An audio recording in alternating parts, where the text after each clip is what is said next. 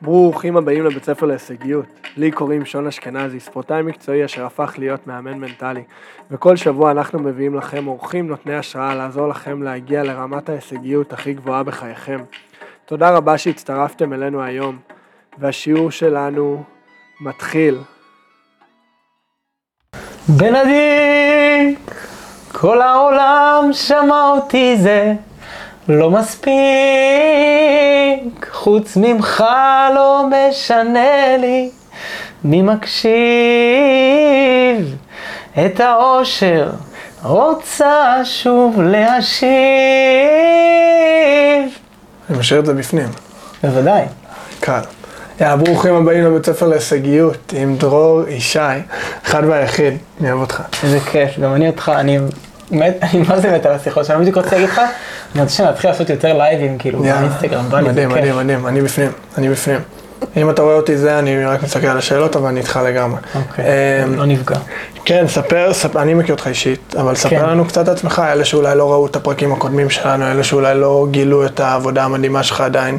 כי אני, כי אני אומר את זה בידיעה מוחלטת, שכאילו כל מי שצופה ידע את העבודה שלך בעתיד, אז זה אוקיי, פשוט עניין של זמן. אני שואף את המחמאות פנימה. אחד הדברים הכי חזקים שאני עובד עם הלקוחות שלי, או מתאמנים שלי, מועצמים שלי, אני עדיין לא יודע איך לקרוא להם, אה, זה לשאוף את המחמאות פנימה. כאילו באנגלית זה נשמע טוב, זה literally accept the compliment. כאילו לקבל. inhale, ממש, אז שאתה when I accept a compliment, אני ממש מקבל אותה לעצמי, שזו האמת. כי רובנו, שלא מדברים לעצמנו יפה, אנחנו דוחים את המחמאות, כאילו, לא, הוא סתם מחמיא, לא באמת מתכוון לזה, הוא סתם אמר לי את זה כדי שאני ארגיש יותר טוב, אבל זה שקר.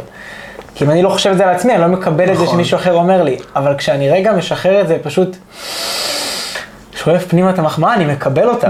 כאילו, אה, אני יפה, אני מקסים, אני חכם, אני נדיב, מה- לא משנה מה אמרו לי, כאילו, אני ממש מקבל את זה. כמה פעמים קרה לך אולי, אני, אני יודע שאני חוויתי את זה עם עצמי מלא, אה, שכאילו מחמיאים לי ואני מפהק. אני כאילו כזה, לא, כאילו, הכל טוב, כן. כאילו, אומרים לך, אני אוהב אותך, זה אוקיי, סבבה, כאילו, זה קטע, וזה ממש, כאילו, התגובה הזאת, איך אנחנו, האם אנחנו מקבלים את זה, האם אנחנו נלחמים זה, איך זה מתחבר להרגשה שלנו עם עצמנו, שזה בדיוק מה שאנחנו פה. כן. אז אני, בגלל המודעות, אני היום יודע מאוד להכניס את המחמאות, ואני כאילו ברגע שמישהו אומר לי מחמאה, אני ממש עוצר, מחייך, ומקבל את כל מה שאומרים, וכאילו תודה, ו- ומכניס את זה פנימה. והלפהק זה, אתה יודע, הגוף מאוד מחובר לנפש, וברגע שיש לנו איזושהי התנגדות מסוימת, הרבה פעמים זה יכול להגיע עם. בחילה, עם, אה, אנחנו מפהקים שאנחנו כאילו מדברים איתנו איזו נקודה שקצת רגישה לנו, אז, אז הגוף ממש מדבר, ממש. ולמדתי להקשיב לדברים האלה. לגמרי. כאילו. אז איפה זה עוד פוגש אותך, איך אתה מקשיב לזה? הנה, התחלנו כבר, בנינו על שיחה אחת. כן, ואנחנו- רגע, אז אני אציג את לא, לא, עצמי? אבל אני- אוקיי, לא, זה אוקיי. מדהים, רגע. אבל- אה, איפה זה עוד פוגש אותך? מעניין, כי אני גם... חיבור לגוף? הקטע הזה של למשל פיוק, או בחילה, או כאב ראש, אנשים אולי יקשיבו לזה וישימו לב לזה עם עצמם, כי עוד פעם, אני מאוד אוהב להגיד את זה, השלב הראשון של כל שינוי זה מודעות. כאילו אם אנחנו לא יודעים, משהו שאנחנו לא יודעים, אין לנו שום דבר לעשות בעניין. אז אם זה פיוק, אני יכול להעיד על עצמי זה פיוקים, כן? כאילו משהו שכמו שאמרת, שיש איזו התנגדות, למשל, כשהייתי ילד, אני זוכר בשיחות עם פסיכולוג, כאילו הייתי כזה, אה, שיחות לא פשוטות עם המשפחה, הייתי פשוט נרדם, כאילו באמת נרדם, כאילו לא בא לי להיות פה. כן. אז הירדמות, הירדמות זה לגמרי, כאילו, אחד הדברים, הרבה פעמים אנשים עושים מדיטציה ונרדמים וחושבים שזה כזה משעמם, אבל נכון, הם נוגע. מתחילים להתקרב לאיזשהו משהו ש, שהם לא רוצים לחשוב עליו. זה מנגנון כזה הישרדותי שאני רוצה לברוח עם משהו שלא נעים לי. ואחד הדברים האלה זה בחילה. בחילה זה התנגדות בדרך כלל. הרבה חבר'ה שהם, אה, מי שמתנסה כזה ב, לא יודע, לעשן וויד, אה, פטריות, הרבה פעמים חושבים שזה משהו כאילו בקטע של אוכל, זה עושה לי, זה משהו בעיכול לא מסתדר לי, זה עושה לי בחילה. אבל הבחילה הזאת זה התנגדות, כי משהו רוצה לעלות, יש איזשהו נושא שאתה רוצה. להגיד, אה, או שאתה רוצה לחשוב עליו, או שרוצה לעלות ואתה לא מאפשר לו, אז יש כזה איזושהי דחיקה פנימה. דחיקה פנימה ואנחנו מרגישים בחילה. אז מי זה דרור ישי? אז דרור ישי הוא איפשהו על הקו. כן, אני מכיר אותנו, אנחנו פשוט נדבר שעה, כאילו, ואף אחד לא ישים לב חוץ מאיתנו. נכון. אז דרור ישי הוא איפשהו על הקו בין מטפל למאמן מנטלי. אה, סוג של קואוצ'ר רגשי, כי אנחנו כן מתעסקים בהמון פרקטיות של איך אני מרגיש יותר טוב, איך אני משנה את המציאות שלי, איך אני משנה את הפוקוס שאני חושב עליו, כלומר מאוד בקטע של קואוצ'ינג פרקטי, אבל אני לא מלמד אנשים איך להצליח בעסק, או איך למצוא זוגיות, או איך להוריד במשקל, כי אני בראש שלי כולנו יודעים הכי טוב. כאילו, אם עכשיו מישהו שרוצה לרדת במשקל, יבוא אליו חבר שיתייעץ איתו איך לרדת במשקל, ייתן לו את כל המידע. נכון, הוא יודע הכי טוב, אבל משהו בי מונע מעצמי את הדבר הזה. אז על זה אני עובד. נקודה ממש נכונה, כאילו אם מישהו אחר חיצוני, דיברנו על זה גם מקודם, ישאל אותנו את השאלה שאנחנו שואלים את עצמנו, נדע בדיוק מה להגיד לו. כן. לגמרי. אבל איכשהו עם עצמנו, יש שם איזו חסימה שהיא לא בידע, היא כאילו בכיוון, בחיבור לפעולה, שנובע ממשהו כן. יותר עמוק, מעניין. כן, לגמרי. אז, אז, אז זה סוג העבודה שאני עושה, זה בעיקר לעבוד על לקבל את עצמי, להאמין בעצמי, באמת, המטרה שלי זה שאנשים יתאהבו בעצמם. אמ, ואני רואה את עצמי כחבר טוב, כזה שמאמין בך, כזה שנותן לך מוטיבציה, כזה שבאמת מקשיב לך, וגם יודע להגיד את המילה הנכונה. אמ, אז, אז זה מי שאני, אני עובד הרבה עם התת מודע, כי אנחנו נדבר בטח הרבה על האמונות שיש לנו על עצמנו ועל הסביבה, והרבה מהאמונות האלה הן לא מודעות ויושבות אה, אצלנו בתת מודע, אז גם כדי להבין מה האמונות וגם כדי להתחיל לשנות, גם על זה נדבר, המוח לומד מחזרתיות, אז אני רוצה באמת ללמד את המוח שלי, ברמת התת מודע אפשר ללמד את זה הרבה יותר מהר ולהגיע לשינויים אה, מאוד מדהים. משמעותיים וגדולים. אני, אז קראנו לזה היום, וזה גם השם של העסק שלך, כאילו החופש להיות עצמנו, החופש להיות עצמך. נכון. וכנקודת התחלה כזאת, אפשר לגעת באיך אנשים מתחילים להתחבר למקום הבאמת אותנטי הזה. אני חושב שכולנו, מסיבות כאלה או אחרות, ב- בקטע קטן או בקטע ענק שאולי משתלט לנו על החיים, אולי קצת התרחקנו מהמקום המאוד אותנטי שלנו. אמ, כן. שמה שבאמת מניע אותנו, מה באמת עושה לי טוב, איך אני באמת רוצה להיראות אה, בחברה, בעבודה, בזוגיות, עם המשפחה שלי, כן. בספורט, אה, כספורטאי, אה, ואיך אנחנו אולי חוזרים להתחבר למקום הזה שאולי קצת שכחנו ממנו. האם אני בכלל מודע לזה שאני האם לא אנחנו בכלל עצמי? יודעים במקום עצמי? הזה, לגמרי. כן. אולי זה באמת, זה באמת אולי השאלות הכי בסיסיות, אולי איך אנחנו בכלל פותחים את השיחה הזאת עם עצמנו. כאילו, מה, איך נראה שוט האותנטי, איך נראה דרור האותנטי. אז בוא נתחיל רגע באמת מהנקודה האחרונה שאמרת של איך אנחנו בכלל מתחילים לגלות את עצמנו. ובעיניי הדבר הכי בסיסי שהוא בכלל כאילו לא קשור לקואוצ'ינג, ו... זה פשוט רגע לבלות עם עצמי זמן. כאילו, ולא לראות עכשיו סדרה בנטפליקס, פשוט לבלות עם עצמי רגע זמן. כאילו אנחנו, אין לנו שנייה אחת ביום שאנחנו רק אנחנו. כי או שאנחנו עובדים על משהו, או שאנחנו עם חברים, או שאנחנו רואים טלוויזיה, או שאנחנו עם הטלפון, אפילו בשירותים אנשים לוקחים את הטלפון. אין לנו שנייה אחת כאילו, אנחנו לא יודעים מי אנחנו, אנחנו אין לנו באמת מערכת יחסים עם עצמנו, שזו המערכת היחסים הכי ארוכה שלנו והכי גדולה, ואני חושב שבכלל לפתוח את הראש ולהתחיל להבין שזה מערכת יחסים, כמו שיש לך עם חבר, נכון. כמו שיש לך עם בת זוג, כמו שיש לך עם ההורים, כמו שיש לך עם הילדים שלך, גם עם עצמך, זה מערכת יחסים. ו, וכאילו, כדי לפתח אותה, כדי להתחיל להכיר את הבן אדם הזה בצד השני, או את עצמך, צריך רגע לבלות עם עצמך זמן. נכון. כאילו זה הדבר הראשון הכי בייסיק כזה של בוא נבלה רגע עם עצמנו זמן, וזה מאתגר. כאילו, זה קצת כזה אינטואיטיבי, כן, ברור, אני עושה את זה מלא, אבל לא, אנחנו לא כך עושים את זה, רובנו אתה לפחות. עושה את זה, אם אתה באמת עושה את זה. כאילו, האם אתה עושה את התנועות, האם אתה באמת נכנס שם לעומק. אז אני חושב שבשלב ראשון רק להיות עם עצמך רגע, ולשאול מה בא לי לעשות עכשיו, מה בא לי, אולי בא לך לשיר, אולי בא לך לחשוב, אולי בא לך לרשום, אולי בא לך לעשות הליכה, לעשות קצת ספורט, אבל רגע להיות עם עצמי, בלי המוזיקה, וכאילו בלי מוזיקה מהצד, ובלי לראות טלוויזיה, אלא רק שנייה עם עצמי, זה כבר כזה הדרך הראשונה בעיניי להתחיל את, ה, את ההתקרבות הזו לעצמך. אני יכול להעיד על, על דרך מאוד מעניינת שאני עשיתי עם עצמי, ואני גם רואה את זה המון במתאמנים שלי, במיוחד בספורטאים, שזה כאילו להפוך את מה אני צריך לעשות, שזה בשביל הסביבה, בשביל המאמן, בשביל הקבוצה, בשביל חברה שלי, בשביל העבודה, למה שון היה עושה. כאילו מהמקום הכי אותנטי, מה שון היה עושה בסיטואציה הזאת. כן. ואז זה לא מונע מאיך יגיבו למה שאני עושה, זה מונע ממה אני רוצה לעשות. כן.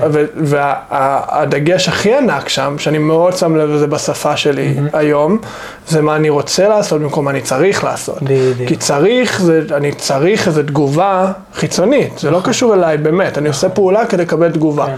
ורוצה, זה אני עושה פעולה בשביל עצמי, לגמרי. וזה ממש מעניין. זה מדהים, וגם הצריך הזה, הוא גם שם עלינו את הלחץ. כי אם אתה צריך לעשות משהו, אז רגע, זה צריך להיעשות. אם הוא לא יקרה, זה בעיה. בדיוק, אני כבר נכנס לאיזשהו רגע, ומה אם לא? יש לנו הרי מוח הישרדותי, נכון, אנחנו. כל הזמן שואלים מה יקרה אם לא כדי, כדי לשרוד. אז כשאני צריך לעשות משהו, oh my god, זה צריך להיעשות. וכשאני לא בטוח מה אני צריך לעשות, אז אני בלחץ. כי גם זה כאילו הצד השני של זה. כשאני יודע מה אני צריך, אז זה מלחיץ לי שאני צריך לעשות את זה. נכון. כשאני לא יודע מה אני אמור לעשות, זה גם מלחיץ אותי. מה זה שאתה לא יודע, כאילו. בדיוק, ורגע שנייה שאני שם, כמו שדיברת על מודעות, שזה הכי חשוב, אני מכניס רגע מודעות שאני אומר, רגע, מה שון רוצה לעשות, וואו, אוקיי. אין לחץ, מה אני בכלל רוצה אין איך זה אמור אה, אני להיות. רוצה בכלל רגע ללכת עם עצמי לים, אוקיי.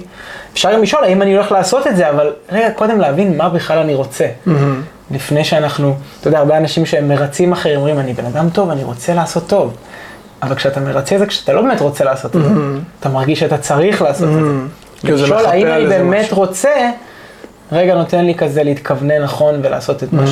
או לפחות להכניס מודעות לפני המעשה. יכול להיות שעדיין תעשה את מה שאתה מרגיש שהיית צריך. אבל אנחנו מתחילים לשבור את זה קצת עם מודעות. נתחיל לנהל את השיחות האלה עם עצמנו. כמו שאמרת שזה מערכת יחסים לכל דבר. לגמרי, לגמרי. כאילו כמה מאיתנו, ועוד פעם, כל מה שאני אומר, אני מוצא את עצמי אומר את זה מלא, כי זה כאילו תופס בכל סיטואציה, כל מה שאני אומר, זה לא טוב או רע, זה לא נכון, לא נכון. זה פשוט מה עובד, אני מאוד אוהב להסתכל על זה מה עובד ומה לא עובד. בסוף היום מה מקדם אותי, ומה משאיר אותי תקוע, או אפילו לוקח אותי אחורה. אז זה או טוב או רע, כי אני יכול לבחור להתנהל ככה, ואני יכול לבחור להתנהל ככה, ושניהם סבבה, אבל השאלה איפה אני רוצה להיות עם החיים שלי. נכון. והשאלה גם מה דחף אותך לזה. כאילו אם זה הצריך הזה, בדיוק. אז, אז זה כבר, אני באיזשהו מקום של אינוס, אבל אם אני רוצה, אז זה לא חייב להיות גם טוב או רע, כי יכול להיות שאני רוצה לעשות משהו שהוא לא מקדם אותי בחיים, אבל הוא מקדם את הקשר עם עצמי. הוא עושה לי טוב. שזה מה שמקדם בסדר, לא אותי צריך, בחיים. כאילו, כאילו באיזשהו מקום לא צריך שום סיבתיות מעבר לזה. כן. אני אגיד לך, אני אתן לך דוגמה ממש יפה, כאילו, שלי עם עצמי, של לשחק PlayStation כל היום, או לראות נטפליקס כל היום. ולפעמים היו ימים, שזה כל מה שבא לי לעשות. עכשיו, הפעולה הזאת תקרה. בוא ניקח איזה אלמנט כזה, כי כאילו אי אפשר לעבוד 24 שעות ביום בלי שום זמן לעצמנו. זה יכול להיות PlayStation, זה יכול להיות לקרוא ספר, זה יכול להיות להקשיב למוזיקה, האיזון הזה חשוב. עכשיו, אם הפעולה הזאת תקרה בכל מקרה, מה זה מקדם אותי לאחר מכן להגיד כאילו, ולהילחם בעצמי ולהגיד כאילו, וואי, איך הרשיתי לעצמי לעשות את זה. לא, רציתי לעשות את זה, עשיתי את זה, אוקיי? וזהו, ומהסיבה היחידה שכאילו, רציתי לעשות את זה, וזה בסדר. כי עכשיו אם אני אלחם בעצמי, איך זה מקדם אותי? אם אנחנו חוזרים לשיחה הזאת של מקודם. ואז לא יהיה כעס עצמי בסוף הפעולה, כי אתה באת ממקום של רצון. כן. כי הפעולה עצמה זה, זה, זה שעות כאילו ביום. בוא נגיד אם אני עכשיו מתחיל לראות נטפליקס כל יום, שבוע או חודש או זה, אז יש לנו בעיה וצריך לטפל בה.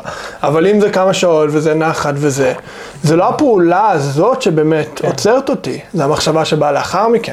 כי אם אני מרשה למחשבה הזאת, ושנים הייתי ככה, שאחר מכן, יואו, איך עכשיו ישבתי את שלוש שעות וזה. איך זה מקדם את הפעולה הבאה שלי? כי עכשיו שאני מסיים לראות ואני מכבה את הטלוויזיה, יש לי מוטיבציה לעשות משהו אחר, חוץ מלדפוק שנץ, יש לי רצון לקדם את הדברים שלי, יש לי כן. רצון להשקיע בעצמי, לעומת שאם הייתי מסיים, זה אומר, אוקיי, סבבה, אבל זה היה ממש כיף. בוא נחזור למחשב, בוא נצא לפגישה, בוא ניתן חדר כושר. וזה זה משהו שהוא קטן, הוא כאילו נשמע מזערי, אבל... ועוד פעם, לא מטוב או רע, כמישהו שחווה את זה, ו- וכשאנחנו מפתחים את המודעות הזאת, מתחילים לשים לב לזה, זה הבדל שהוא עולם במלואו. כי הרגשה הזאת, ההרגשה הזאת, זה מה שיקבע אם יש לנו מוטיבציה, או אם אנחנו רוצים פשוט, והיו לי גם תקופות כאלה, פשוט לשכב במיטה כל היום, אם אנחנו לוקחים את זה לקיצון השני. כזה. כן, ו- ולמה זה, למה אני רוצה לשכב במיטה כל היום? כי לא משנה מה אני אעשה, אני כועס על עצמי שכאילו זה לא היה הדבר הנכון לעשות באותו רגע. אתה כועס על עצמך ואתה גם, בלי שאנחנו שמים לב, יש לנו צורך מסוים להעניש את עצמנו. בדיוק. כי אנחנו רגילים בתור ילדים שעשיתי משהו רע, מגיע לי לקבל עונש. אז אני מפחד מהעונש, אבל אני חושב שמגיע לי. כן. אז עשיתי משהו רע, ראיתי נטפליקס, נגיד שאני לא אמור לראות, סיימתי את הנטפליקס, אבל אני מרגיש רע, אני צריך להעניש את עצמי. אני מעניש את עצמי בעוד נטפליקס, או בעכשיו ללכת לעשות משהו אחר. שאני עושה דווקא לעצמי, בדיוק. כאילו, תראה איך אני, אני אראה לך, כאילו, אתה לא. תגיע לעשייה מרגיש שלך. שמגיע לי, ש- שמגיע לי עונש, כי ככה הורגלנו. כן. ואני רוצה רגע לשים כוכבית על מה שאמרת על הרוצה. כי הרבה מתאמנים שלי מדברים איתי על, מה זה לעשות מה שאני רוצה? אני רוצה לשבת בים כל היום. אני רוצה לראות נטפליקס כל היום. וטוב לדייק את ה"אני רוצה" הזה. כי כשאני מרגיש שבא לי לברוח, אז אני רוצה לשבת בים, אבל זה לא מה שאתה באמת רוצה. וכולנו יודעים, לכולנו יש את הקול הפנימי הזה בפנים, אנחנו לא באמת רוצים לשבת כל היום בים. אנחנו רוצים ללכת פעם ביום לים, פעם בשבוע לים, אבל לכולנו יש את הדברים שאנחנו באמת רוצים כאילו, אם לעשות. תשב שם עכשיו יום שלם, זה לא ירגיש לך טבעי. תגיע הנקודה שאתה עושה את זה כעונש וכאילו לחפות על. כבריחה. כן, כי אנחנו- כבריחה. כי יש דברים שאנחנו רוצים באמת לעשות, וכולם יודעים, אם אני רגע אשב איתם באיזי, בנוח, ניקח כמה נשימות ונדבר על מה באמת בא לך לעשות, מה באמת בא לך, מה באמת את מתרגשת מלעשות עכשיו. זה לא יהיה עכשיו ללכת לים, לשבת כל היום להיות נכון. בנטפליקס. יש דברים שאנחנו רוצים לעשות, אז טוב להתחבר לרצון האמיתי הזה, ו... ומשאלות עצמיות אנחנו נתחיל להבין האם זה רגע בריחה, מה חוויתי עכשיו, להתחיל להבדיל? בין... חשבתי רגע בראש על עכשיו לכתוב איזשהו, אה, לא יודע, תוכן לא, אה, לאינסטגרם, ופתאום יש לי צורך אז ללכת לנטפליקס? אוקיי, בוא נבין רגע מה אני מרגיש בגוף.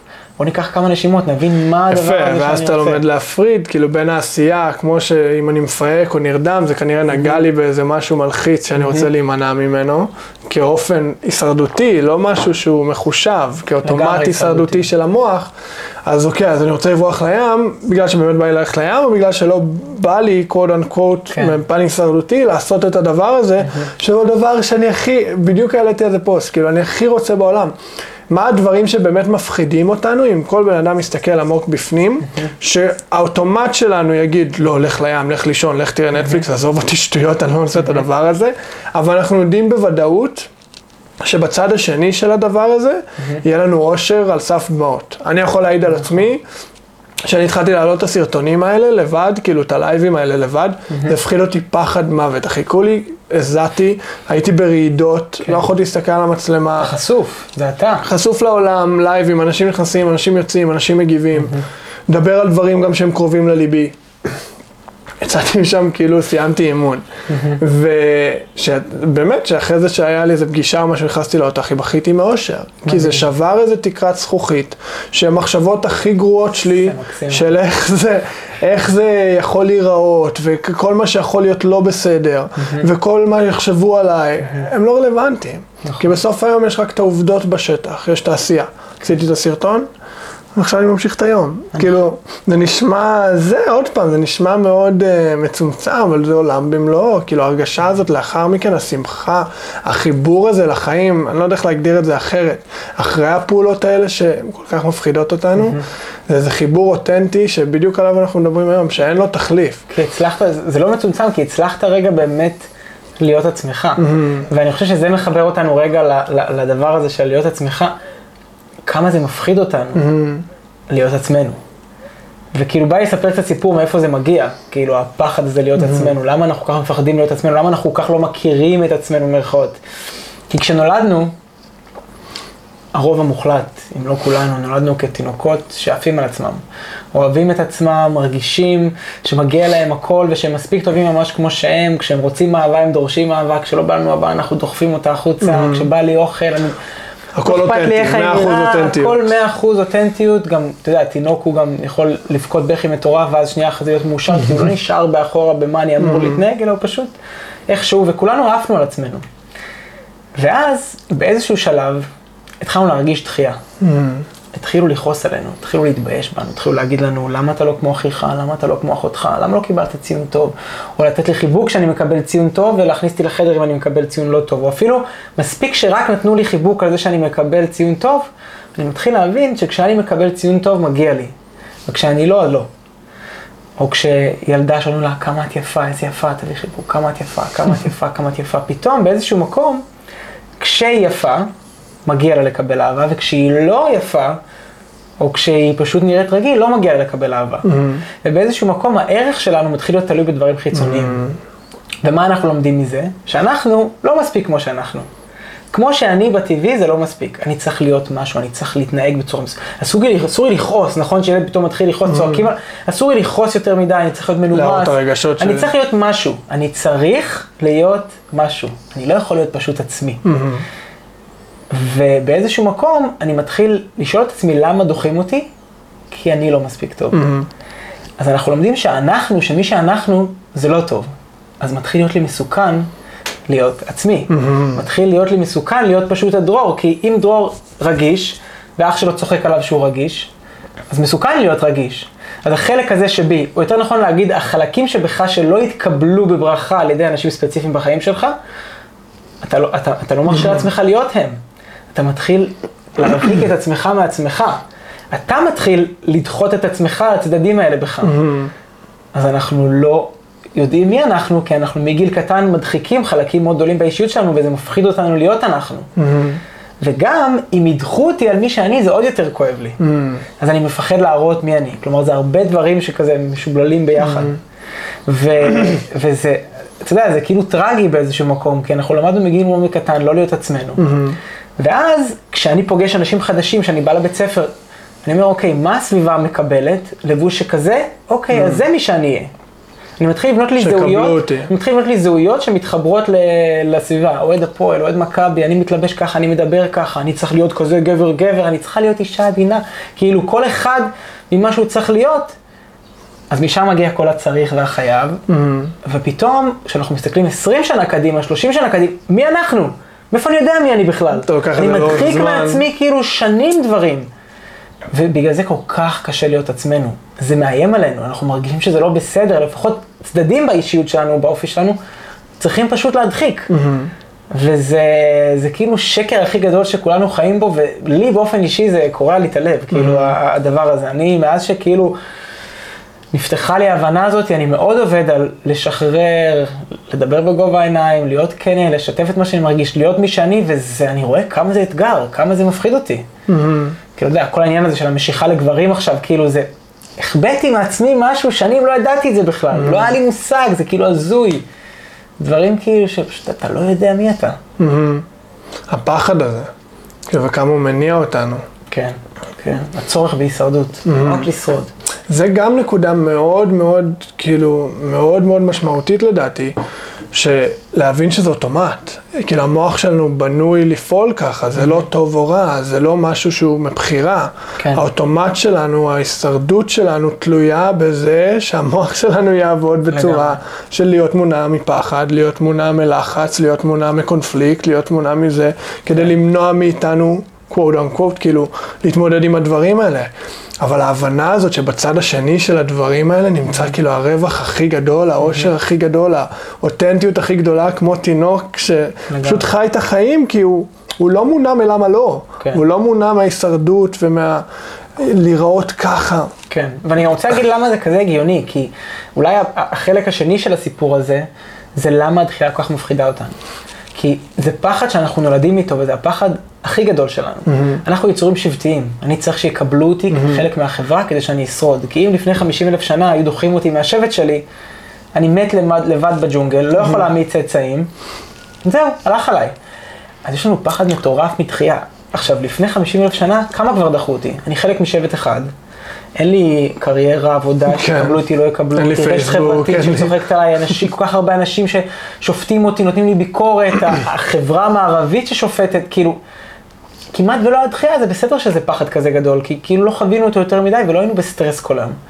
אבל היום, בשנת 2022, יש דחייה 24/7 מסביבנו.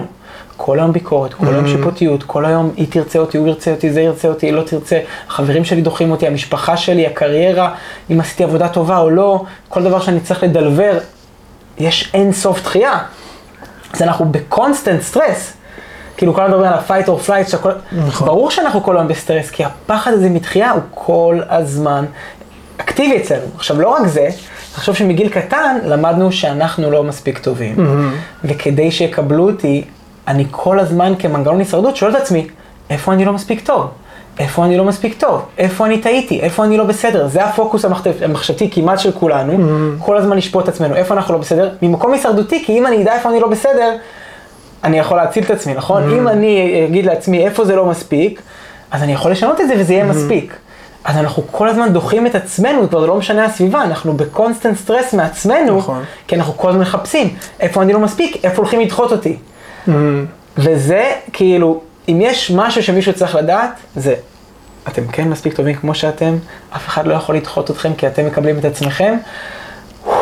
עכשיו איך עושים את זה? ולימדנו את עצמנו במשך שנים שאנחנו לא מספיק, הפוקוס כל הזמן היה איפה. שאנחנו לא מספיק, ובגלל זה פוקוס זה כזאת מילה חשובה. אני רוצה לשנות את הפוקוס. עכשיו ולהתחיל להגיד לעצמי שאני כן מספיק, לשאול את עצמי, את המוח, המחשב הזה, אם אני אשאל אותו איפה אני לא מספיק, ימצא. הסיבות למה כן. אם אני אשאל איפה אני כן מספיק, בדיוק. איפה אני גאה בעצמי, איפה כיף לי, איפה אני מבסוט על עצמי, איפה אני מאמין בעצמי. ו- וזה כאילו, אתה יודע, זה כל כך הגיוני למה אנחנו כולנו בסטרס, וזה כל כך פשוט להבין וליישם, זה לא כזה קל. למה? כי יש את המנגנון ההישרדותי הזה. אני לא נותן הזה. לעצמי אפילו להגיד לעצמי שאני מדהים, כי אני לא מאמין לזה, כי אני חושב שזה מגן עליי. ה counter אינטואיטיביות הזאת, כאילו, שבעצם. דיברנו על זה מלא, על, עם ספורטאים, כל הזמן דוחפים אותנו כאילו להתמקד ב, במה אנחנו צריכים לשפר. לראות וידאו, לנתח טעויות. לראות, כן, אפילו יותר מזה, מה לא היה בסדר, לא מה צריך לשפר, מה לא בסדר. מה לא היה בסדר. כן. וזה, וזה נכון, וזה עובד. גם אני עשיתי את זה בקולג'ים, ובליגת העל ובזה, כאילו לראות וידאו וללמוד. אבל על מה שאנחנו שמים את התשומת לב, זה מה שיגדל. כאילו מחשבה יוצרת מציאות. נכון. ואם המוח שלנו באוטומט כל הזמן מסתכל על איפה אנחנו צריכים להשתפר, אנחנו כל הזמן נראה איפה אנחנו לא מספיק טובים. ואיזה מין נקודה זאת לבנות ממנה. זה למה הרשימות האלה, אני נותן להמון מתאמנים, אני עושה את זה בעצמי, אני מאוד שם לב, כאילו, דברים שאני אומר לאחרים לעשות, אם אני לא עושה את זה בעצמי, כאילו, מה זה שווה? נכון. לרשום הדברים הטובים שעשיתי באותו יום. עכשיו, זה יכול להיות דברים כאלה קטנים, כאילו, כמו, סתם, הוצאתי את הכלב, או רצתי רבע שעה, כאילו, זה לא איזה משהו פenomenלי, אבל להתחיל לראות את הטוב, כי זה שובר את האוטומט. כן. האוטומט תמיד יהיה שם ללמוד ממה לא היה בסדר. אם אנחנו נכניס משהו consciously, במודעות, בהתמדה, בתרגול, שריר חדש, שרואה את הטוב ושם נותן את הפוקוס, אמרת פוקוס זו מילה אדירה, זה. איפה אנחנו מסתכלים? where do you shine the light? אני חולה על המשפט הזה. איפה אנחנו מסתכלים? מה שאנחנו נמצא, סליחה, מה שאנחנו נחפש זה מה שנמצא. לגמרי. איפה שאנחנו שמים את התשומת לב זה מה שיגדל. והאוטומט הזה שאמרת, ניתן סתם דוגמה, רצתי רבע שעה, האוטומט שלנו בדרך כלל ילך ל... איזה סמרטוט אני רצתי רק כן, רבע שעה. לראות גם שם היה חסר. רצתי, אבל רק רבע שעה, איזה אפס אני. ואני, בנקודה הזאת של המודעות, רק אם יש לי מודעות לזה שזה. מחשבה אוטומטית, יכול לעשות את השיפט ולהגיד, איך אני גאה בעצמי שיצאתי לרוץ. איזה מלך אני, כי כשאני מקשר עונג לריצה ולרבע שעה הזאת ריצה, מחר אני ארצה לרוץ 20. בדיוק. זה כי כמו אני בדיוק נותן איך בעצמי אני- אמונה, אבל אם אני אומר, איזה אפס, רצתי רק 15, אני מת מפחד, Mm-hmm. מה יקרה אם מחר אני ארוץ רק 15, אני אשנא את עצמי. אני מפחד מהעונש הזה שאני נותן לעצמי. בדיוק.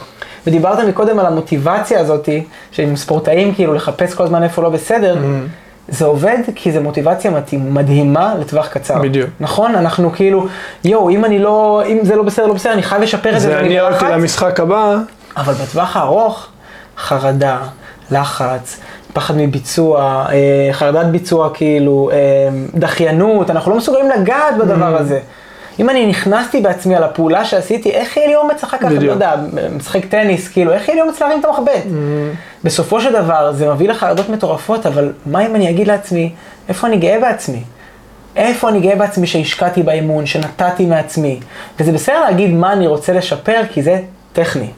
אני רוצה, לא יודע, ניקח בכדורסל, אני רוצה שהזווית, אני רוצה להדק יותר את הידיים. אוקיי, אני רוצה להדק יותר את ה... אם אני אומר, הידיים שלי לא מספיק מהודקות, בדיוק. זה אני לא פתאום בסדר, זה הופך להיות משהו אני. אישי. זה אני לא בסדר, זה דרור, זה לא היכולת הטכנית נכון. של דרור, שפשוט לסגור את. הידיים.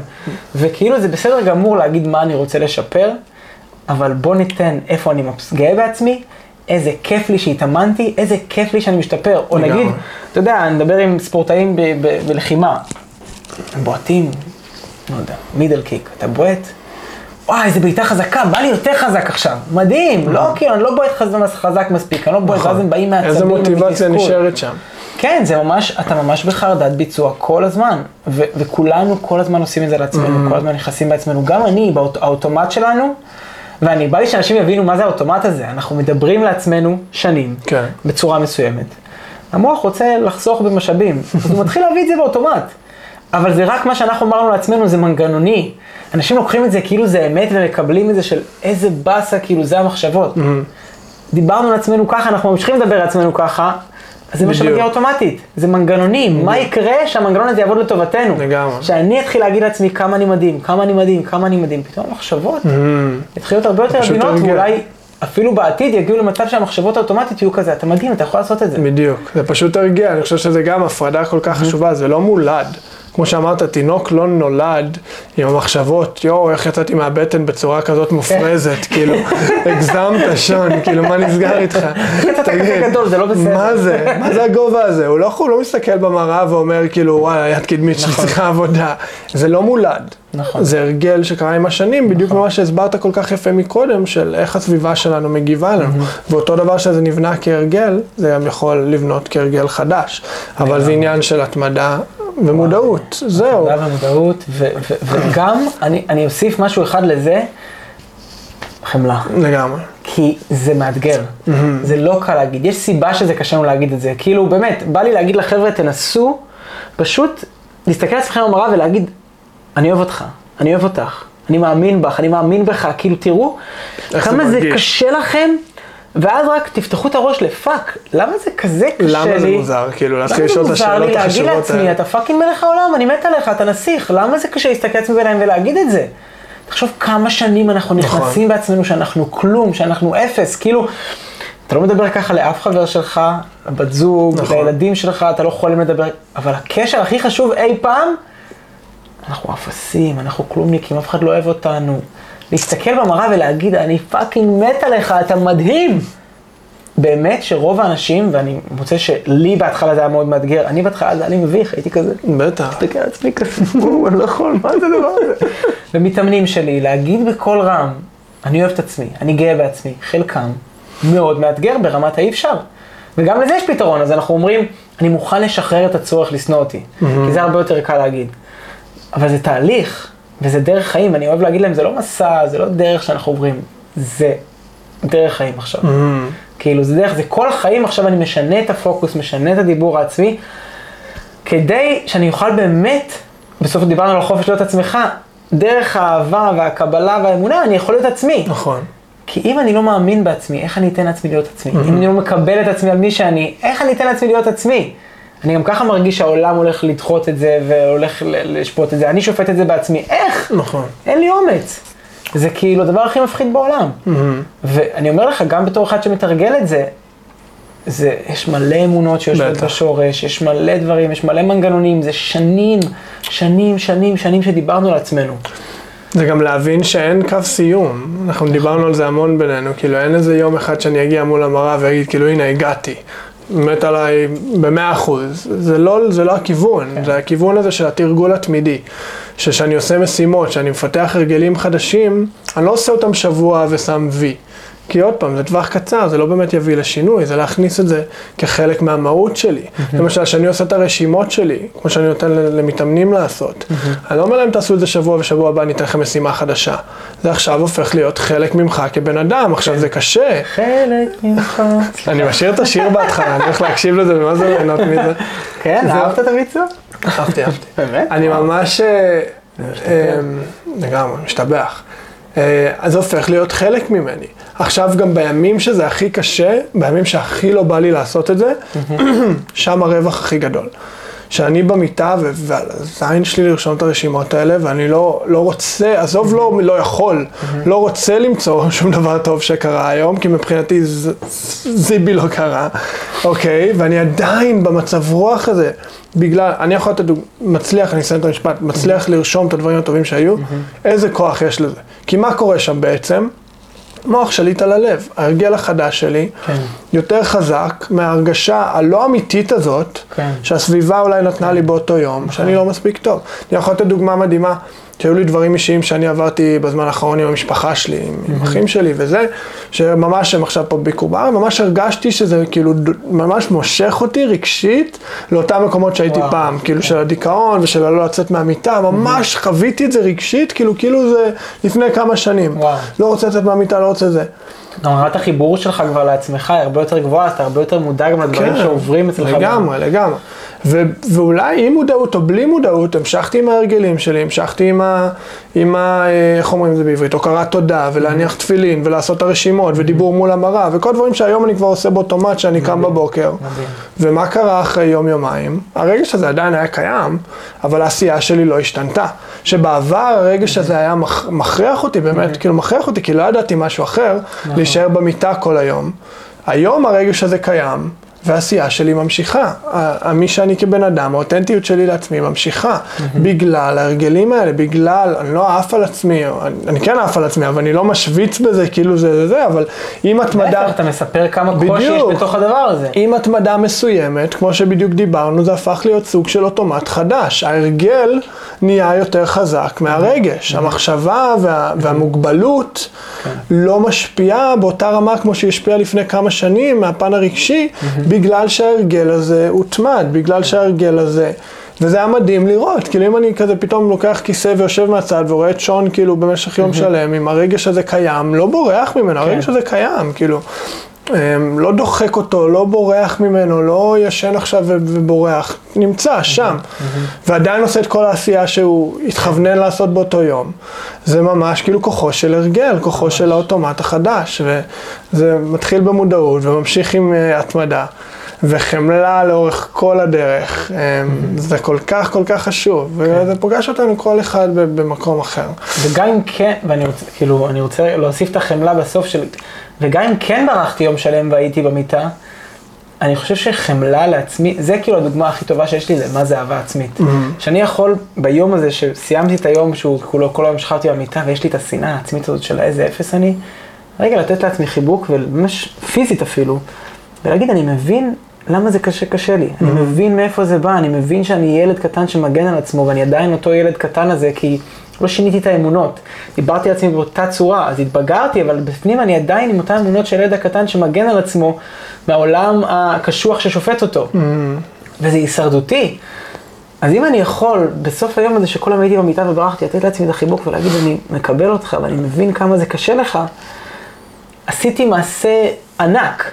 עשיתי התקדמות אולי הרבה יותר גדולה מלשבת מול המראה כאילו אפילו חודש, כי אני ממש ידעתי לתת לעצמי אהבה ברגע הזה של החולשה. במקום הזה שהוא כל כך בדיוק. קשה, בדיוק, כאילו. שהדבר הכי הגיוני, הכי אוטומט שלי לעשות, לתת לעצמי בראש, כי כוס עמק, מה זה לשכב במיטה? בדיוק, איזה אפס, מגיע לך עונש, עכשיו יום אחרי זה גם אתה רוצה להרוס את עצמך. במקום הזה, לתת חיבוק וחמלה, נכון. ולהגיד כאילו זה בסדר, זה כן. חלק מהתהליך, אני, כאילו זה, זה, זה חלק מהתהליך, נכון. זה, זה חלק מהעבודה, זה, זה לא, עלייה, כל מי שרואה את זה, כאילו אם אנחנו, יש, יש גרף ממש יפה, עלייה היא לא ליניארית. נכון. אם אנחנו נסתכל על שבוע, אנחנו נראה fucking עליות, ירידות, נפילות לתהום ועליות לזה, לאורך שבוע, לאורך חודש. אבל אם נסתכל על שנה, זה ייראה כמו קו ליניארי. אם נסתכל על עשר שנים, זה ייראה כמו קו ליניארי. אבל זה לא באמת ככה, כאילו, זה חלק מהתהליך. זה כמו שאני אוהב להגיד, כאילו, קונפליקט הוא דבר שאנחנו חייבים אותו. אם היה לנו רק הצלחות כל החיים, קודם כל יהיה נורא משעמם. אולי אנחנו באיזשהו מקום עמוק חושבים שזה זה אי אפשר שלא יהיה. אוטופיה, כאילו. זה לא, לא יקדם אותנו בשיט. הפעמים היחידים שאנחנו גדלים בחיים זה שיש משהו שאנחנו לא יודעים, זה שיש משהו שאנחנו נכשלים בו. אוקיי. בצד השני של הדברים האלה יש גדילה. לגמרי. לגמרי, וזה...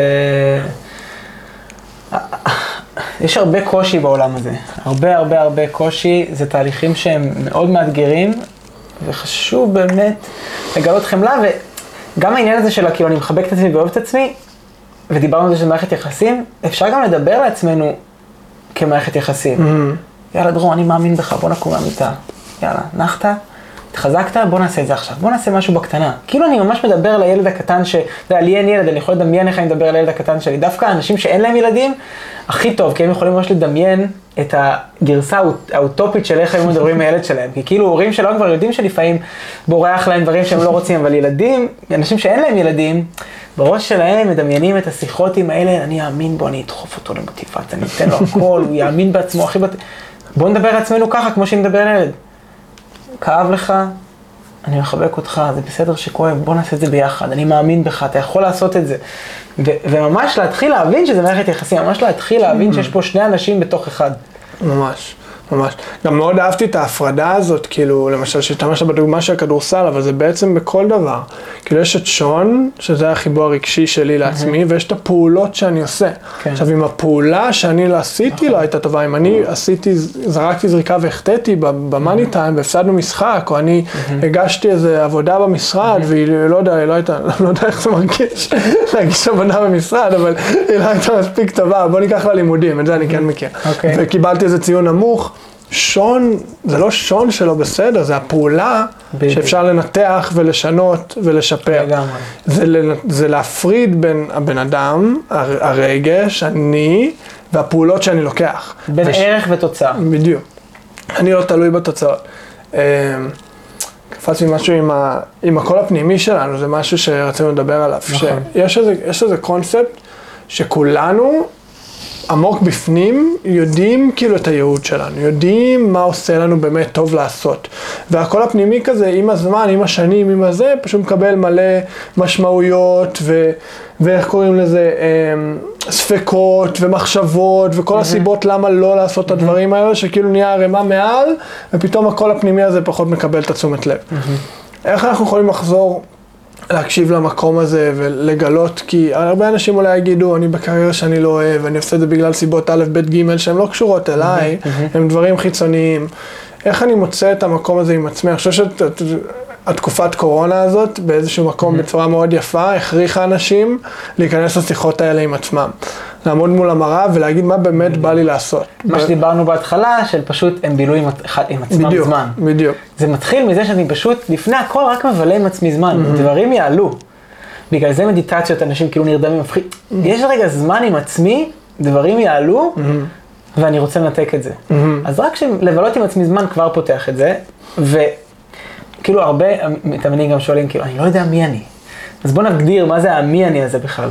כאילו, מי שאנחנו, בעיניי לפחות, וזה הכל דעתי, כן, אני, מה אני יודע, אבל uh, בעיניי, אנחנו זה מורכב מקול פנימי ואיזושהי זהות שיצרנו לעצמנו עם אמונות על עצמנו. Mm-hmm. עכשיו, הקול פנימי הזה, הוא תמיד שם. הוא תמיד מדבר אלינו, הוא, הוא הזיק הראשוני הזה שכאילו מישהו מציע לך משהו ויש לך כזה את ההתלהבות שלה, כן, אני רוצה לעשות את זה. זה אנחנו, ואז יש את הספקות, המחשבות, הדברים ש... Mm-hmm. וככל שאנחנו... שזה הזהות כביכול, הספקות והמחשבות? זה כבר ההגנה, mm-hmm. כאילו... האוטומט. בדיוק, אני בא להגן על עצמי מזה, אני בא לחפש איפה זה לא מספיק, למשל, איפה זה יכול לסכן אותי. יש עכשיו טיול, בא ללכת לטיול, לא, אבל יכול להיות שהם לא יאהבו אותי. תסתכלו עליי ככה. כאן, אני לא, לא רוצה ללכת לדבר הזה, לא באמת, זה, זה, זה אופציה שזה זה איום על עצמי. Mm-hmm. אז אנחנו כל הזמן מגנים על עצמי, יש לנו כל הזמן את החיפוש הזה של איפה אני לא בסדר, וזה גם שם נכנס חלק מהזהות גם שאני, שאני אמרתי על עצמי, אני לא אוהב לטייל. Mm-hmm. נכון? אז יש לי כזה, בא לי לטייל, ואז כזה, אבל אני לא אוהב לטייל. כאילו הספקות והמחשבות והאוטומט מחזק את הזהות ואת האמונות. בדיוק. האמונות שלנו יוצרות את הזהות שלנו. כן. ויש לי את הקול הפנימי הזה, ויש לי את המחשבות האוטומטיות שקופצות, שחלק מהן הם גם חלק מהזהות שלי. כאילו חלק mm-hmm. מהמחשבות האוטומטיות רק באות להגן עליי, mm-hmm. וחלק זה עניין של הזהות שיצרתי לעצמי. כאילו, אבל רגע, אני לא אוהב דברים כאלה mm-hmm. בעצם. כאילו, כאילו אני רואה מודעה לטיול בדובאי, אני אומר, וואי, כאילו איך בא לי, תמיד רציתי לנסוע שם, יש אה, הזדמנות עסקית שאני מת לעשות, מתרגש. Mm-hmm. מחשבות שלי אומרות, כאילו, לא, אתה גם ככה לא תצליח, אתה גם ככה, כאילו, כן, כל הפעולות שמונעות מאיזה אמונה, שאני לא מספיק טוב, שאני לא שייך, שלא כן, לא מגיע לי ליהנות מההזדמנות הזאת. נכון, או נגיד אפילו דברים אה, בזוגיות, עכשיו אתה יושב בספה, חברה שלך מגיעה ומתנהגת אליך בצורה, כאילו, אומרת לך משהו שאתה לא באמת, בא לך... אתה לא, לא יודע, צריכים ללכת לאנשהו ואתה לא באמת רוצה, בא לך להגיד רגע את האמת הזאת שיוצאת מתוכך, לא במקום של כעס, של כאילו תגובה קיצונית, אלא יש לך איזשהו אמת של כאילו, באמת מה אני רוצה להגיד, משתיק את זה, mm-hmm. משתיק את זה עם הספקות. כלומר, יש לנו קול פנימי שכל הזמן מדבר אלינו, אני לא חושב שזה ברמת ה... יש לכל אחד ייעוד אחד. כן. אבל אני חושב שככל שאנחנו פשוט מקשיבים לקול הזה והולכים אחריו, אנחנו נהיה יותר מאושרים ומסופקים mm-hmm. בחיים, כי אנחנו נהיה עצמנו. וזה גם לא בהכרח שאני חייב להיות עורך דין, אני חייב להיות רופא, אני חייב להיות איש עסקים, אני... אם עכשיו זה מדבר אליי, אז אני הולך לכיוון הזה, ואם עכשיו פתאום נפתח לי כיוון חדש, אני נותן, אני נותן לעצמי באמת להוביל את עצמי בחיים. אני מקשיב לו קודם כל. בדיוק, אני באמת נותן לו קודם כל קשב, ואני יכול ללכת לכיוונים שהוא מתווה לי. נותן לו מקום. ואז אלי, אני, כולנו, בגלל שאנחנו כך רוצים להרגיש בטוחים ולהרגיש חלק ממשהו, זה תמיד מגיע לפחד מתחייה בסופו של דבר. אני רוצה לשים את עצמי בתבנית. כי בתבנית אני מוגן, בתבנית אני חלק ממשהו. שומרת עליי. אני עורך דין, אני רופא, אני מתנהג כזה, אני אוהד הפועל, אני לא אוהב טיולים, אני אוהב לעשות ככה, אני אוהב ספורט, אני שמן, אני שם את עצמי במקום מסוים, טוב לי לדעת מי אני ומה אני, זה mm-hmm. נותן לי הרגשה בטוחה. ודווקא היכולת עוד לשחרר מכל תבנית, mm-hmm. כאילו, פשוט להיות אני, ויכול להיות שמחר אני אקום משהו אחר, mm. יכול להיות שמחר אני אקום כזה וכזה, כאילו זה ממש בסדר. חופשי להיות עצמי. בדיוק, mm. להיות באמת חופשי להיות עצמך, וזה מאוד mm. מפחיד. זה מאוד מפחיד להיות עצמך, זה אנלוגיה ממש יפה. שכאילו בלי כל הקירות האלה, בלי כל התבניות האלה, שרובם גם מהחברה, ואולי אמרו לי ששיחקתי כדורסל, אמרו לי וואי איזה יופי אתה mm-hmm. משחק, או כן. קיבלתי איזה משהו טוב כי אמרו לי כמה אני יפה, או כמה אני זה, mm-hmm. בלי התבניות האלה, כאילו מה שם צד. עכשיו אני גם לא רוצה לצאת מהתבנית, כי בתבנית אני מוגן. Mm-hmm. למשל, אתה גילית שאתה טוב בלקלוע שלשות, אוקיי? בגיל קטן. אתה מקבל על זה אהבה, נכון? מבסוטים עליך, אתה קולע נקודות, אין לך איום כי בשלשות אתה טוב. אבל מה עכשיו לעשות כאילו אה, דריבל אה, זה, ניסיתי פעם אחת דריבל לא הלך לי, אני תן לי שלשות, תן לי שלשות, אני מפחד מהדריבל, אני לא רוצה, אני טוב לי בתבנית של הקולע השלשות, כי זה לא מאיים עליי, ודריבל מאיים עליי. כי אני שם יכול יש לי מה לקבל את. זה, אני יכול להרגיש שאני לא מספיק טוב, מי שלא מספיק טוב מגיע לו שידחו אותו. ואז זה חוזר לפחד הכי גדול שלנו. אז כאילו אנשים, רק שלושה, לא מוכן. אתה יודע, אני הייתי עושה מבחנים, נגיד בתור ילד הייתי כאילו לקבל ציון טוב, אין, לא רוצה לכתוב מבחן. לא, אני הנה, הוכחתי שאני חכם. תחררו. אני כאילו חכם, לא רוצה עכשיו לאיים על הדבר הזה. לא רוצה. כאילו השגתי את הדבר לא רוצה. הזה, עזבו אותי, טוב לי פה, נוח לי. כל, אה, עשיתי אה, פסיכומטרי, כל, אה, יש כזה כאילו שאתה עושה, אני לא הבן אדם. כמו הכנה לפסיכומטרי, סימולציה, כל סימולציה, אחי, היה לי, לפעמים הייתי, כאילו, רואה שאלה ראשונה בסימולציה, מסתכל עליה, אה, לא יודע מה יהיה פה, ואני כאילו, ואני, ואני פשוט סוגר, כי היה לי, אתה יודע, הייתי מקבל כאילו, אפילו זה 760, כאילו, בחלק מהסימולציות, שזה כאילו ציון. קיצ, קיצוני. אוקיי. איך אני יכול אחרי שקיבלתי ציון כזה גבוה להתחיל עוד סימולציה? כאילו, אני לא רוצה לגלות שאני טיפש, אני רוצה, הנה, אני בתבנית של החכם, הוכחתי את זה, אני לא רוצה לעשות שום דבר מבחן מאיים, כאילו, לא, לא, לא רוצה לעשות, זה היה לי ממש מלחיץ לעשות עוד סימולציה, כי קיבלתי כזה טוב. אז זה לא מספיק, כאילו, זה לא משנה אם מישהו עושה דברים מדהימים, לפעמים אם מישהו עושה דברים פחות טוב, יותר קל לו, כי כאילו אין לו ציפייה, אז הוא כאילו לא יכול לאכזב, הוא לא יכול להוריד מהערך שלו. ואם אני יודע לנתק את הערך שלי מתוצאה, אז אתה יודע, הרבה מדברים על איך להתמודד עם לחץ. אני אומר, בוא נתק את הלחץ מלכתחילה. אם אני יודע להעלות לעצמי את הערך, כמעט רק בעזרת דיבור עצמי, אז, אז הלחץ פשוט יורד אוטומטית. כי שום דבר לא יכול לאיים לי, או פחות מאיים לי על הערך. אז אני פשוט יכול להיות עצמי, זה פחות מפחיד אותי כבר. כאילו, אני fucking מאמן לוחמי על שנכנסים לכלוב עם אנשים שרוצים להרוג אותם, ומה שמפחיד זה הקהל שמסתכל. השיפוטיות, הפחד מדחייה שאני לא אעשה פדיחה, הבן אדם fucking רוצה להרוג אותך, אבל זה הרבה יותר מלחיץ. אז אם אנחנו יודעים להעלות את הערך שלי ולדעת שאני מספיק טוב תמיד ומגיע לקבל אהבה תמיד, אז אני פחות מפחד מהפדיחה, אז אני יכול להתרכז בבן אדם הזה, וזה כבר פחד טוב. זה כבר פחד שמעיר אותי, זה כבר פחד של... כאילו, אני תמיד, אני אומר ללוחמים, דמיינו אם עכשיו מישהו היה בזירה, לא עם כפפות אלא עם סכין. על הזין הקהל, נכון? כי פתאום הפחד על החיים שלי, הוא. באמת אמיתי, הוא באמת כאילו מטורף. ואז אני באנרגיות מטורפות ואני אעשה הכל כדי לעצור את הבן אדם הזה. אז בוא נביא את הפחד הזה לפחד האמיתי הזה, הפחד של הבן אדם שרוצה להרוג אותי, ולהתרגש מזה. ולהגיד, אני fucking לוחם מול fucking לוחם, הוא רוצה להרוג אותי, עכשיו אני יכול להרוג יאללה אותו. בוא, פתאום זה הופך כן, להיות. נכנסתי רגע להתרגשות, זה לא קשור לשיחה, אבל זה גם קצת קשור, אבל נכנסתי רגע לעניינים של הלוחמים. מדהים. לגמרי, אז לנתק את הערך, לנתק את הערך מהתוצאה, אולי counter intuitive, אבל מביא הרבה יותר טוב והרבה יותר מהר את התוצאות. בדיוק מה שדיברנו מקודם, כן. עוד פעם, אני יכולה, אני ממש אוהב את המשפט הזה של כאילו, אתה רוצה תוצאות, שחרר מהתוצאות. כן. כי יכול שאנחנו מתמקדים על התוצאות, אנחנו מתמקדים על מה אנחנו לא רוצים. תבנה זהות של מנצח. בדיוק, תתמקד בתהליך, איזה פעולות אני יכול לקחת ברגע זה להביא את התוצאות שאני רוצה. אם אני רק אחשוב על התוצאה, זה לא יביא אותה יותר קרוב. אבל בוא נפרק את זה, איזה פעולות אני צריך לעשות, איזה זהות אני רוצה להביא. בוא נגיד, אני מאוד אהבתי, אני עשיתי רשימות אז, אה, היה לי שיחה מדהימה עם חבר שלי סיימון מקנדה, שהוא היום מא- מאמן אה, ברמה מאוד גבוהה למערכות יחסים. ופתחנו את השיח הזה על אה, אנשים שמחפשים זוגיות, מה, מה, אז לעשות, אני, לעשות רשימות, מה אני מחפש בבן בת זוג, איזה דברים אני רוצה שיהיו, עוד פעם, כל הדברים שאני רוצה, לא מה אני לא רוצה, כי בעצם כשאני אומר מה אני לא, אני עוצר את זה, מה אני. כן רוצה. ואז היה שם שלב מרתק מבחינתי, עכשיו איך אני צריך להיות, איך אני רוצה להיות, בשביל להביא את הבן בת זוג הזאת. ואז אני נכנס למי אני רוצה להיות, כי שם התוצאה, התוצאה היא בתהליך, היא באיזה זהות אני רוצה להביא, באיזה פעולות אני רוצה לקחת, שתביא לי את התוצאה הזאת, לא רק בלהתמקד על התוצאה, אז אני רוצה שהיא תהיה ככה ושהיא תעשה ככה וזה מדהים. ואני יושב בבית ומחכה שאיזה מלאך ייפול לי מהשמיים, כן. כאילו, כמו הפרסומת הזאת, אתה זוכר את הפרסומת עם התפוז שוקולד?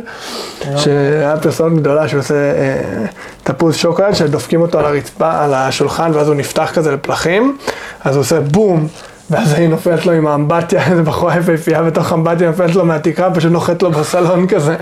מכיר. סתם, זה חזק, זה הקפיץ לי את זה. לא לא, זה מדהים. אני רוצה רגע לחבר, כי דיברנו לפני שנייה על כאילו על מי זה אני, נכון? דיברנו על הקול הפנימי וה, והזהות, ועכשיו התחלנו לדבר על זהות, אז אני רוצה לדבר קצת על זהות. אבל לפני זה, משהו על הקול הפנימי, זהות זה איך שאנחנו מדברים לעצמנו ואנחנו יוצרים זהות, אבל קול פנימי זה, בעיניי זה משהו מהנשמה, זה משהו Mm-hmm. שהוא כאילו אנחנו נולדים איתו, שהוא חלק מאיתנו, ושמה אנחנו לא יכולים להחליף את זה באמונות. Mm-hmm. אני לא יכול דרך דיבור עצמי להגיד לעצמי, נגיד סתם, יש לי משיכה ל- ל- לגבר, אני לא יכול דרך קיים, דיבור כן. להשתיק את זה, משהו שהוא מגיע מבפנים, ושם גם החיבור הזה לגוף. Mm-hmm. שם החיבור הזה לגוף, כי כשאני מתנגד למי אני באמת, לדברים שמביעים, שמגיעים מבפנים, יהיה איפשהו קיבוץ בגוף, יהיה איפשהו מקום שצריך לאגור את זה, כי אני לא נותן לזה לצאת החוצה. אז זה הקול הפנימי שהוא, בעיניי לפחות, משהו שהוא ברמת הנשמה, משהו שאנחנו נולדים איתו, שהוא, שפשוט, הוא לא בר שינוי בדיבור. והדבר השני זה הזהות שאנחנו יוצרים בעזרת האמונות שאנחנו שמים לעצמנו. והזהות הזאתי, זה לא רק דבר שיצרנו, זה גם דבר שאנחנו יכולים גם עכשיו בגיל שלנו ליצור. תמיד. כלומר, אני כל הזמן יכול לעדכן את הזהות שלי. איך? בעזרת המחשבות שלי, שבתכלס מהדיבור שלי. איך אני מדבר? אם אני עכשיו אומר לעצמי, בוא נגיד סתם, ניקח מישהו שרוצה לרדת במשקל והוא מרגיש שהוא שמן, נכון? אז הזהות שלו הוא שהוא שמן. הוא רוצה לרדת במשקל, קודם שישנה את הזהות שלו לאדם רזה. להתחיל לדבר כמו אדם רזה, להתחיל לחשוב כמו אדם רזה, קודם כל להגיד לעצמו, אני רזה. כי אם אני אומר לעצמי, אני שמן, הגוף שלי יתחיל לאגור שומן, אני כאילו, אני מגדיר לעצמי מי אני, זה ממש הגוף חלק שלי מהזהות יפעל שלי. לפי איך שאני מגדיר את הזהות שלי. עכשיו בוא. ניקח אדם שמן שתופס מעצמו שמן, אם הוא אכל עכשיו צ'יזבורגר עם צ'יפס, הוא אומר, יואו, אני עכשיו חזרתי לדרך שלי השמנה, אני יכול לאכול עכשיו עוד מלא, אני... זה מה שיקרה. אדם רזה, שבראש שלו הוא רזה, אם הוא אכל עכשיו צ'יזבורגר עם צ'יפס, זה. הזין שלו. זה לא מזיז, בוא ניקח את זה למקום אפילו עוד יותר obvious. אם אני עכשיו אצא למועדון, ילך למסיבה ויעשן עכשיו חמש סיגרות ברצף, אני לא אחשוב על זה יום אחרי. זה לא מעניין אותי, אני לא בן אדם שמעשן, אז זה כאילו אני לא... אבל אם מעשן, עכשיו יעשן חמש סיגרות ברצף, הוא בראש שלו חזר לעשן. זהו, הרסתי עכשיו הכל, אני מעשן. כי בראש שלו הוא סמוקר, אז הוא מעשן. אבל אני רוצה ליצור את הזהות הזאת של הבן אדם שלא מעשן, כדי שאני אוכל באמת להתנתק מזה. לגמרי. וזה ממש עניין של איך אני מדבר לעצמי בזמן הווה, בצורה חיובית, לא מה אני לא, אלא מה אני כן, כדי ליצור את הזהות שלי. ממש ליצור את הזהות של, דיברנו מקודם על, על כסף. אז אוקיי, הבנתי שיש לי בעיות עם כסף ואיך אני מתנהל עם כסף, אז אני רוצה עכשיו ליצור זהות של בן אדם שיודע להתמודד עם כסף. אני יודע לחסוך, אני יודע להשקיע בדיוק. נכון. אני רוצה להגיד את זה לעצמי, כי אז פתאום שיהיה עכשיו סרטון על השקעות, אם אני בראש שלי בן אדם שלא יודע להתנהל עם כסף, אני בורח מהסרטון הזה. בדיוק. כי זה מבלבל אותי, אני לא יודע, אני לא מבין, אני לא יודע בהשקעות. ואני אומר לעצמי, אני בן אדם שמבין בכסף, אני בן אדם שמשקיע חכם, יש סרטון על השקעות? בוא נלמד. אני נותן לעצמי את האופציה ללמוד, וזה הכל כי הגדרתי לעצמי ממש כמו ילד טיפש את הזהות. Mm. ממש כמו ילד כאילו בלי, לא צריך, לה, ממש כאילו להגדיר לעצמי את הזהות של. עצמי, ולחזור על זה כל הזמן, כי המוח לומד מחזרתיות. לוקח זמן להכניס דברים למוח. הרגלים, לבנות לגמרי, כמו שאנחנו, אתה יודע, אתה- אתה- אתה-. אתה בחדר כושר, אתה לומד עכשיו לשחק טניס, אתה ביום הראשון תהיה הכי גרוע שהיית אי פעם. אבל אחרי חמש שנים, הגוף שלך כבר זוכר את זה. מה. יקרה אם אני אגיד לעצמי כל יום שאני מדהים? בהתחלה זה יהיה לי מוזר, זה יהיה מביך, זה גם לא ישפיע. אבל מה יקרה אם אמרתי בכל יום לעצמי שאני מדהים, במשך עשר דקות לשנתיים? איך זה ייראה? וואו, כאילו, מה יכול לקרות לי? וזה לוקח אותי, ואני קצת חופר, אבל זה לוקח אותי לדבר הבא שבא לי להגיד, אני פשוט בא לי לשתף את זה, כי זה בעיניי דברים מדהימים. העניין הזה של התרגולים, מקודם דיברת כזה, יש לך תרגול מול המראה, אני הכי בעד תרגולים וזה דבר מדהים. ובנוסף, אני רוצה להגיד שיש דבר שהוא הכי גדול, שזה קורה לנו 24/7, שזה הצורה האוטומטית שבה אנחנו מדברים לעצמנו. כאילו, אני יכול לדבר במשך רבע שעה לעצמי למראה ולהגיד, אני מדהים, אני אוהב את עצמי, דרור, אתה נסיך, דרור, מגיע לך שיאהבו אותך, דרור, הבת זוג המושלמת בדרך אליך. מדהים, באמת מדהים, והלוואי שכל אחד יעשה את זה כל יום לעצמו רבע שעה. אבל אז, במשך 16 שעות שאני ער, יש לי מחשבות של דרור, אתה אפס, אף אחד לא ירצה אותך, וואי, איזה מטומטם אתה, איך טעית עכשיו, יואו, איזה, איזה סרטון נורא העלית, איזה מביך אתה. אז אני עושה רבע שעה של affirmations חיוביים, ו-16 שעות של affirmations שליליים. אז מה יותר חזק? ואני רוצה שאנשים, ברגע שהם יבינו שהם, שיהיה מודעות לאיך הם דיברו לעצמם, בדיוק. זה בסדר, זה קרה, זה אוטומטי, זה מנגנון. מה אני רוצה להגיד לעצמי באותו רגע? איזה הזדמנות יש לי, כשאמרתי מחשבה שלילית לעצמי, איזה הזדמנות מדהימה יש לי להכניס, להחדיר משהו חיובי. בזמן הווה, לא מה אני לא רוצה שיהיה, אלא מה אני כן. בדיוק, מה אני רוצה ליצור. לבנות את הזהות הזאת דווקא ברגעים האלה. איזה אפס אני, איך אני גאה בעצמי שעשיתי. לפני כמה שבועות, אני אספר לך סיפור על זה, לפני כמה שבועות התחלתי עם מישהי בחתונה. עכשיו, הייתי בלחץ, אתה אומר, הרבה זמן לא התחלתי עם מישהי פנים מול פנים, ואני כאילו לקח לי מלא זמן לדבר איתה, ואני שם לב, אתה מכיר את זה שאתה כזה רוצה לדבר עם מישהי ואתה לא הולך, אז אתה שם לב שאתה פשוט בוהה בה, ואתה כזה כמו איזה יצור מרכז הרחבה כולם עומדים, ואתה פשוט בוהה בה כזה, חושב מה תעשה להגיד. משהו, תעשה משהו, כי זה כבר נהיה מביך, תעשה משהו. אחרי איזה רבע שעה כזאת, או אפילו יותר, הלכתי אליה, יצאתי עליו בוא לרקוד איתי, לא רצתה. אוקיי, חוזר לרחבה, מחשבות אוטומטיות, איזה אפס אתה, איזה פחדן אתה, כמה זמן לקח לך, אף אחד בחיים לא תרצה אותך, לא שולט בזה, זה המחשבות שעלו לי. עכשיו, ברגע שהבנתי שכזה, וואו, רגע, זה המחשבות שלי, אז זה לא המחשבות שאני רוצה, אמרתי לעצמי, תשמע, אתה fucking מלך, איזה אמיץ אתה. זה כל כך הפחיד אותך, ועשית את זה. ועשית את זה עם חיוך, תשמע, וואו. אתה מלך, איזה אמיץ אתה, וואו, אתה מלך. עכשיו, מה יביא אותי להתחיל עם הבחורה הבאה? מה ייתן את המוטיבציה לקחת פעולה? או שאני fucking מלך, וחזרתי לרחבה, רקדתי כמו איזה, לא יודע מה, אמרתי, בוא'נה, אני מבסוט מעצמי. פשוט, כי שמתי את הפוקוס, שניהם אמת. שמתי את הפוקוס על האמת שאני רוצה שתהיה. והרגשתי מדהים, ממש הרגשתי מדהים, כי הצלחתי לא לשפוט את המחשבה שהייתה לי, להבין שזה מנגנון, ולשים את הפוקוס על מה אני רוצה. גם איך תתחיל עם מישהי פעם הבאה, כאילו, זה תמיד המוטיבציה לפעולה הבאה.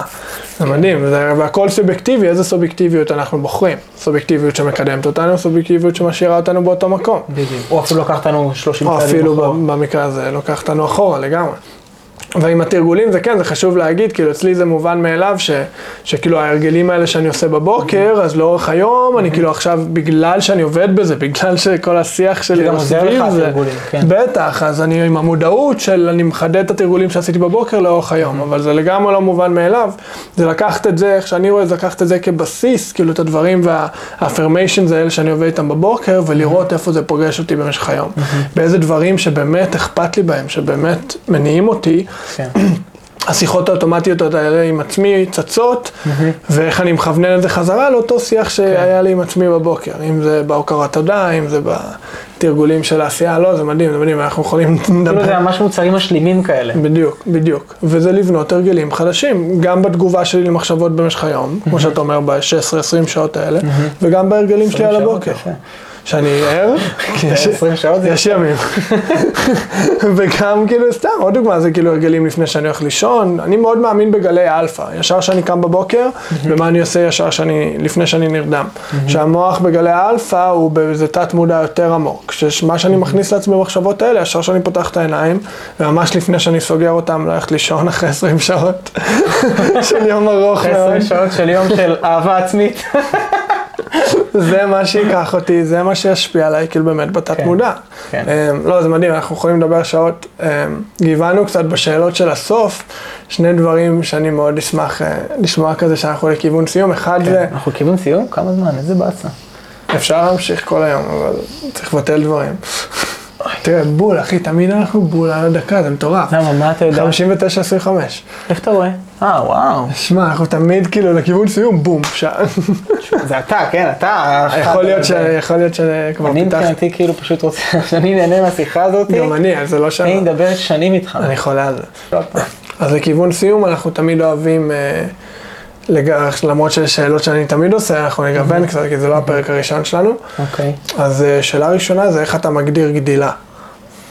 אוקיי, אז אני אתפקס על משהו אחד בגדילה, כאילו, אה, בעיניי גדילה זה מודעות. כי מודעות, החלק היפה בה זה שאני לא חייב לעשות את התהליך של השיפור כביכול. כאילו, אני מודע לאיך אני מדבר על עצמי, אולי אני לא מדבר על עצמי עדיין יותר טוב. אולי לא שיניתי את הפעולות שאני עושה. אבל כל עוד יש לי מודעות לזה שזה לא מה שאני רוצה, או לפחות לאיך אני מתנהג, איך אני מדבר, אני יכול לשנות. כי יש לי איזשהו חוצץ בין המחשבה האוטומטית לפעולה האוטומטית. פתאום יש לי רגע את דרור שמסתכל על הדבר הזה מהצד. אז המודעות מאפשרת לי בסופו של דבר להגיע לאיזשהו פתרון, לאיזשהו תהליך, לעשות משהו. אז ככל שנחזק את המודעות, איזה מחשבה עכשיו קפצה לי לראש? איזה פעולות אני עושה? למה אני עושה אותן? מאיפה יש לי צורך ככה? למה אני כל כך כועס עליו? כאילו להבין, ככל שנבין ויהיה יותר מודעות, לא בהכרח נקטין את הסבל, כי דווקא הרבה פעמים מודעות מגדיל סבל. כי היום כשאני נכנס לנטפליקס ורואה סרט סתם שעה וחצי, אני כבר לא נהנה ממנו כמו שהייתי נהנה פעם, כי אני מודע לזה שאני בורח. אז בעיניי זה הגדילה. כי מעניין. כשיש לי מודעות אני יכול להכניס את המחשבות היותר מעצימות, אני יכול לשנות את הפעולות שלי. אז ככל שנעבוד על מודעות, ניתן לעצמנו יותר הזדמנויות לעשות את השינוי הזה. אתה שובר את האוטומט בעצם, אתה קוטע את המטריקס. בדיוק, אתה. עוצר את את התוכנה המופעלת, ולאט לאט עם הזמן אתה מכניס שם משהו חדש. בדיוק, יש אופציה למשהו חדש. בדיוק. כל עוד יש לי מודעות, יש אופציה. אין לי מודעות, אני בתוך האוטומט, אני חי בתוך האוטומט, אין לי שום דבר. זה משהו שאני כל כך אוהב להגיד למתאמנים ובכלל, שכאילו השלב הראשון של שינוי זה מודעות. כי אם אני לא יודע מה אני רוצה לשנות, אין שום דבר שאני יכול לעשות בעניין. נכון. מה שאני לא יודע שאני לא יודע, אני אף פעם לא אעשה משהו איתו. מדהים, נכון. אהבתי. והשאלה האחרונה, למרות שעשינו את זה בעבר, מאוד מעניין אותי כאילו זה, אז אם היית יכול לתפוס את דרור בתחילת דרכו כמאמן ובכל העולם הזה, מה היית, אם היית יכול ככה לתפוס אותו הצידה וללחוש לו משהו באוזן, בתחילת דרכו כמאמן או כילד? או כילד, בוא ניקח את זה לשם, אז כן, ניקח את כילד, זה. אני כבר דמיינתי אותו כילד חמוד כזה. כן, אז יאללה, קח את זה לשם, למקום הכי, הכי מוקדם שאתה כביכול זוכר ולתפוס אותו הצידה, ולחוש לו משהו באוזן שמאוד מדבר על, על אותם נושאים שנגענו בהם היום. מה היית אומר? אני אגיד? לך מה אני הכי מרגיש שעוזר עם המתאמנים שלי. אני לא כל כך, אה, אני לא- אני לא יודע איך קואוצ'רים או מטפלים אחרים, אני, פח, אני כאילו, נראה לי פחות לפי הגדרה של איך מאמן צריך להיות, כי אני רואה אותם באמת כחבר טוב מאוד שלהם. כלומר, אני גם משתף על החיים שלי, אני מאוד, מאוד פתוח איתם, אני, ואני יכול להגיד לך שמה שאני שם לב שהכי עושה טוב עם המתאמנים שלי, זה שאני מסתכל להם בעיניים ואני אומר להם שהם פשוט fucking וואו. והם באמת, הם רואים בי שאני מרגיש את זה. שאני לא ממציא להם, שאני לא לא משקר. מילים. אני באמת מתכוון לזה ואני באמת מאמין לזה, וכשאני ככה מאמין לזה, גם הם קצת נותנים לזה להיכנס. ואם הייתי תופס את דרור הקטן לשיחה, הייתי מסתכל עליהם ואומר, שמע, אתה פשוט fucking וואו, אתה מדהים, אתה מדהים. רק תאמין בזה אתה, אתה מדהים. ובאמת, אין לי כאילו את המילה הספציפית, שהייתי אומר אם זה מילה, זה פשוט באמת לתת לבן אדם להבין שהוא פשוט מדהים כמו שהוא. שיש לו זכות להיות בכדור הארץ, יש לו זכות לדבר, יש לו זכות להיות מישהו, יש לו זכות להתהלך פה ופשוט להיות הוא. אז זה מה שהייתי אומר לו, שאתה מדהים. פשוט מדהים, אתה פשוט כוכב, אתה מלך. ואהבתי את זה כמו שהוא. זה לא אחרי שהוא עשה משהו, אחרי שהשיג משהו. רק על היותך. מדהים, מדהים. וכאילו אנשים אומרים לי, רגע, גם מי שעושה דברים נוראים, אז אני אומר, יש, הוא מתנהג בצורה נוראית, יפה. עוד פעם אבל הוא לא. נורא. כי- הפעולות שלו אולי נוראיות, הבן אדם עצמו מדהים איכשהו. בדיוק. בואו לא נאבד את זה. כאילו, מדהים. פשוט באמת, אני חושב שלראות את הטוב בכל בן אדם, בזמן שיש את עולם המציאות, נכון? יש את זה כאילו מישהו עכשיו רצח מישהו, כן, הוא ילך לכלא, אבל זה לא אומר שהוא בן אדם נורא. זה שמענישים אותו בעולם המציאות. בדיוק, זה לא אומר שהבן אדם עצמו הוא נורא. זה שאני הולך להיפרד מחברה שלי, מתנהגת עליי בצורה מאוד קשה, אני יודע מאיפה זה בא, ואני יודע שיכולה יותר טוב מזה, אבל אני כן אפרד ממנה אם אני מרגיש שזה לא מתאים לי, אבל זה לא אומר שאין לי חמלה, וזה לא אומר שאני לא רואה את המדהים שבה. את הבן אדם, ולא את כן. הפעולות. ואני סבלתי מזה קצת בעבר, כי אני הייתי חי בעולם, ש... אני, אני רואה את הטוב בכל אחד, שזה מתנה מדהימה, אבל הייתי חי בעולם של פוטנציאל. Mm.